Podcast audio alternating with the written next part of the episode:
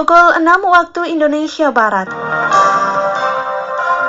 Selamat pagi pendengar, inilah Warta Berita Daerah hari ini. Tiga korban kecelakaan pelayaran berhasil dievakuasi pada simulasi latihan SAR Natuna.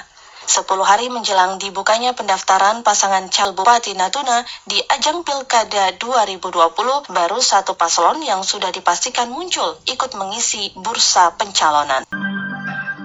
Dari Jalan Raya Sepompang Natuna, inilah Warta Berita Daerah selengkapnya bersama saya, Rita Retnandari. Pendengar kami sampaikan informasi pertama. Tiga korban kecelakaan pelayaran berhasil dievakuasi pada simulasi latihan SAR Natuna di Pantai Teluk Selahang, Desa Limomanis, Kecamatan Bunguran Timur Laut. Informasi selengkapnya dilaporkan reporter Yusfianti. 25 pemuda daerah mengikuti praktek latihan SAR dari Kantor Pencarian dan Pertolongan SAR Natuna. Dalam kegiatan tersebut dilakukan simulasi pertolongan terhadap tiga korban kecelakaan pelayaran di kawasan Pantai Teluk Selahang, Desa Limomanis, Kecamatan Bunguran, Timur Laut. Dalam latihan tersebut, simulasi dilakukan terhadap dua korban selamat dan satu korban yang dinyatakan meninggal untuk dilakukan evakuasi. Salah satu peserta perwakilan dari PMI Natuna, Afrizal, kepada RRI mengatakan, dalam kegiatan ini, ia memiliki pengetahuan dan pengalaman secara jelas dan tepat terhadap tindak pertolongan korban kecelakaan pelayaran. Kalau untuk kegiatan ini, kegiatan sensor, nah dua kali. Kesannya banyak pengalaman sih karena saya dari saya PMI juga bisa membandingkan mana sih uh, yang benarnya untuk mengevakuasi korban, mencari korban gitu kan. Karena di PMI juga juga seperti itu kita membandingkan mana sih lebih sesuai gitu untuk penanganan korban. Kantor KPP SAR Natuna, Mexianus Bekabel menyampaikan kegiatan latihan dilakukan guna memberikan keterampilan kepada masyarakat tentang teknis dan tata cara yang tepat dalam penanganan pencarian dan pertolongan korban kecelakaan latihan SAR daerah. Nah, latihan SAR daerah ini fungsinya bagaimana kita bisa membentuk karakter orang di saat operasi SAR yang real. Jadi ini kegiatan ini operasi SAR yang real. Sehingga potensi SAR itu tahu kronologis kejadian terus siapa berbuat apa itu bisa tahu untuk bisa melakukan kegiatannya. Contohnya untuk yang PMI fungsinya seperti apa? Untuk dari uh, dinas kesehatan atau ambulans itu dia posisinya di mana posko lapangan atau di kantor dan tadi kami sudah lakukan bahwa kami ada bentuk posko lapangan karena kejadian kronologis kejadiannya itu di laut sehingga mempermudah untuk koordinasi dan pengendali terhadap potensi yang ada untuk melakukan pencarian. Kegiatan latihan SAR oleh KPP SAR Natuna dilaksanakan selama dua hari yaitu dari tanggal 25 hingga 26 Agustus 2020. Kegiatan tersebut diikuti oleh 25 peserta perwakilan dari instansi dan organisasi pemuda di daerah dan dibimbing oleh personil KKP SAR Natuna dengan tiga instruktur, salah satunya merupakan instruktur dari SAR Kantor Pusat Jakarta. Ada simulasi pertolongan korban dilakukan dengan menggunakan satu jet ski perahu karet 40 PK, RIP 400 PK, dan terdapat ambulans untuk pertolongan medis. Dalam kegiatan tersebut, protokol kesehatan dilakukan untuk mencegah penyebaran coronavirus. Yuspianti, RRI Ranai melaporkan. Sepuluh hari menjelang dibukanya pendaftaran pasangan calon bupati dan wakil bupati Natuna di ajang Pilkada 2020, baru satu pasangan calon yang sudah dipastikan muncul ikut mengisi bursa pencalonan. Informasinya dilaporkan Marjani. Satu bakal paslon yang saat ini hampir dipastikan ikut pada Pilkada Bupati dan Wakil Bupati Natuna tahun 2020, yakni Wan Seswandi yang berpasangan dengan Rodial Huda. Pasangan ini diusung oleh partai politik PDI Perjuangan dengan beberapa partai pendukung sebagai koalisi. Sementara untuk bakal calon pasangan lainnya masih belum secara resmi diusung oleh partai dan koalisi meskipun sudah ada nama-nama yang muncul seperti Hadi Chandra dan Jarmin Sidik serta beberapa nama lainnya. Tidak seperti Pilkada Natuna pada tahun-tahun sebelumnya yang selalu diikuti oleh lima pasangan calon. Pada pilkada tahun ini dimungkinkan jumlah paslon yang akan meramaikan bursa pencalonan akan jauh berkurang. Bahkan tanggapan warga di medsos juga mencuat calon pasangan dengan kotak kosong. Warga Natuna Abib Jong yang digelar sebagai Presiden Facebook Natuna berpendapat partai belum mengusulkan nama kader terbaik mereka saat ini dimungkinkan juga salah satu strategi politik. Kalau pandangan masyarakat kan beragam, ada yang mengatakan mungkin bisa berlawan dengan kontak kosong juga yang menilai partai-partai lain belum ada keberanian untuk mengeluarkan kader-kader terbaiknya untuk bertarung. Bisa jadi juga mungkin ini sebagai strategi saja menjelang hari hanya nanti ada keluar calon. Kita kan tidak tahu nama politik kan dinamis. Baru yang pasti itu saksi sama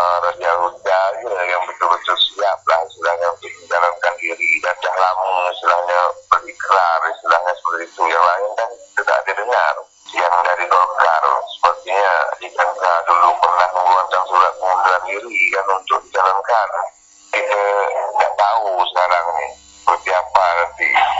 Sementara itu menurut aktivis Natuna Arifin dalam pendapatnya ia melihat masih belum adanya kesepakatan dari partai besar seperti Golkar untuk mengajukan kader mereka maju di Pilkada Natuna tahun ini. calon yang baru muncul ada positif ada negatif.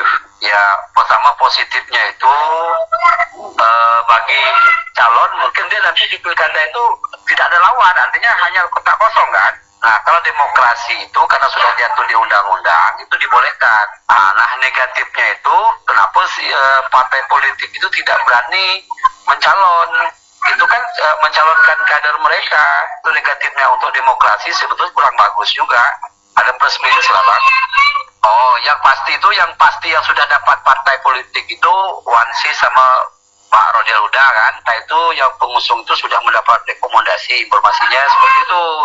Seperti PDI Hanura Demokrat P3 nah sementara yang lain itu eh, hanya kan itu baru isu-isunya Nah, tapi tidak tutup kemungkinan kalau kita lihat di lapangan yang yang lawan itu kan dari Golkar nih. Nah, sedangkan hari ini Golkar kan kalau kita lihat belum konsisten mereka hari ini. Sementara yang eh, Wansi sama Rodial itu sudah konsisten dari awal mereka siap maju berdua dan partai pengusung mereka pun sudah siap juga gitu. Sedangkan untuk masa pendaftaran calon peserta Pilkada 2020 mulai dibuka dari tanggal 4 hingga 6 September 2020 di KPU Natuna. Dalam persiapan pendaftaran calon Pilkada tersebut, KPU Natuna sebelumnya juga telah melakukan sosialisasi tentang pencalonan bupati maupun wakil bupati pada Pilkada Natuna tahun 2020.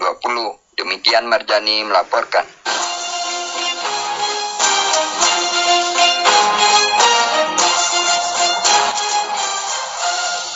Warta berita daerah ini disampaikan oleh Radio Republik Indonesia Ranai.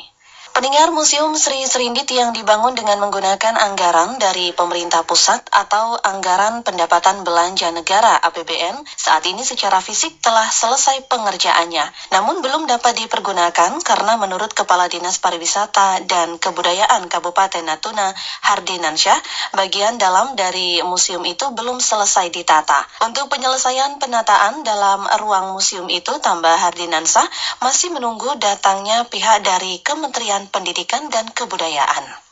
Jadi pembangunan museum secara fisiknya itu sudah sudah selesai. Kalau tidak salah saya ada desain apa di dalam itu, tata letaknya, storyline-nya, tata letaknya itu yang belum selesai. Kalau sudah selesai, mereka mau serah terimakan ke kita.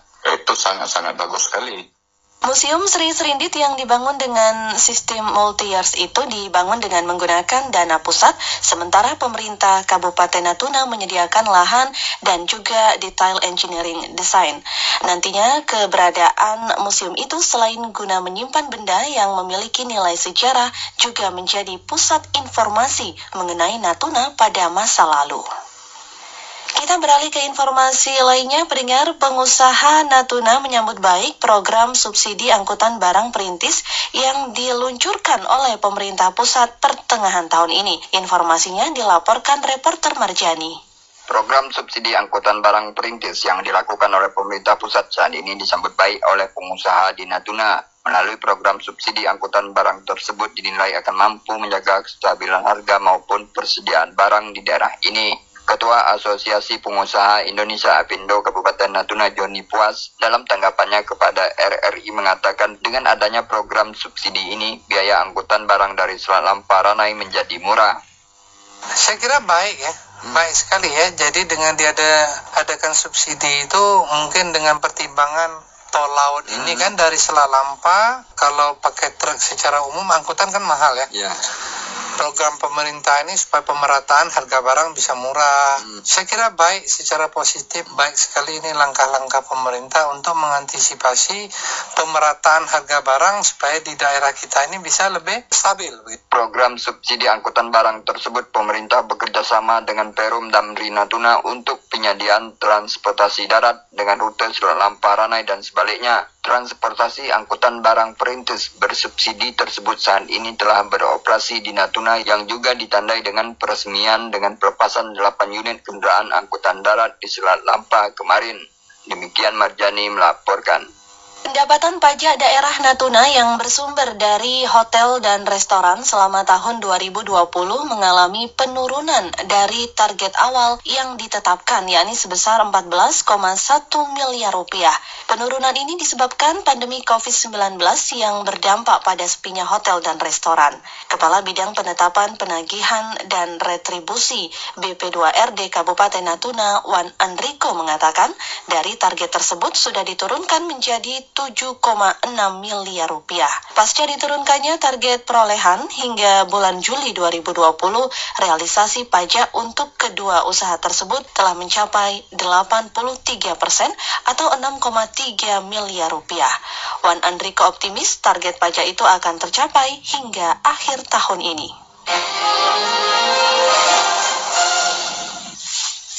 Demikian pendengar seluruh rangkaian berita daerah pagi ini dan sebelum berpisah kami sampaikan kembali berita utama.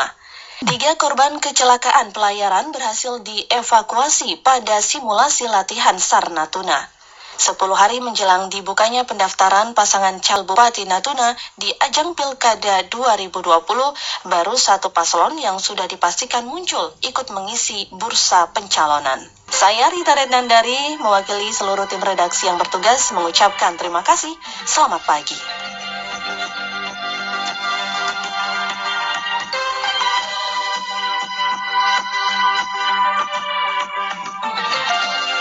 Sekian Warta Berita Daerah Radio Republik Indonesia Ranai Radio Publik Milik Bangsa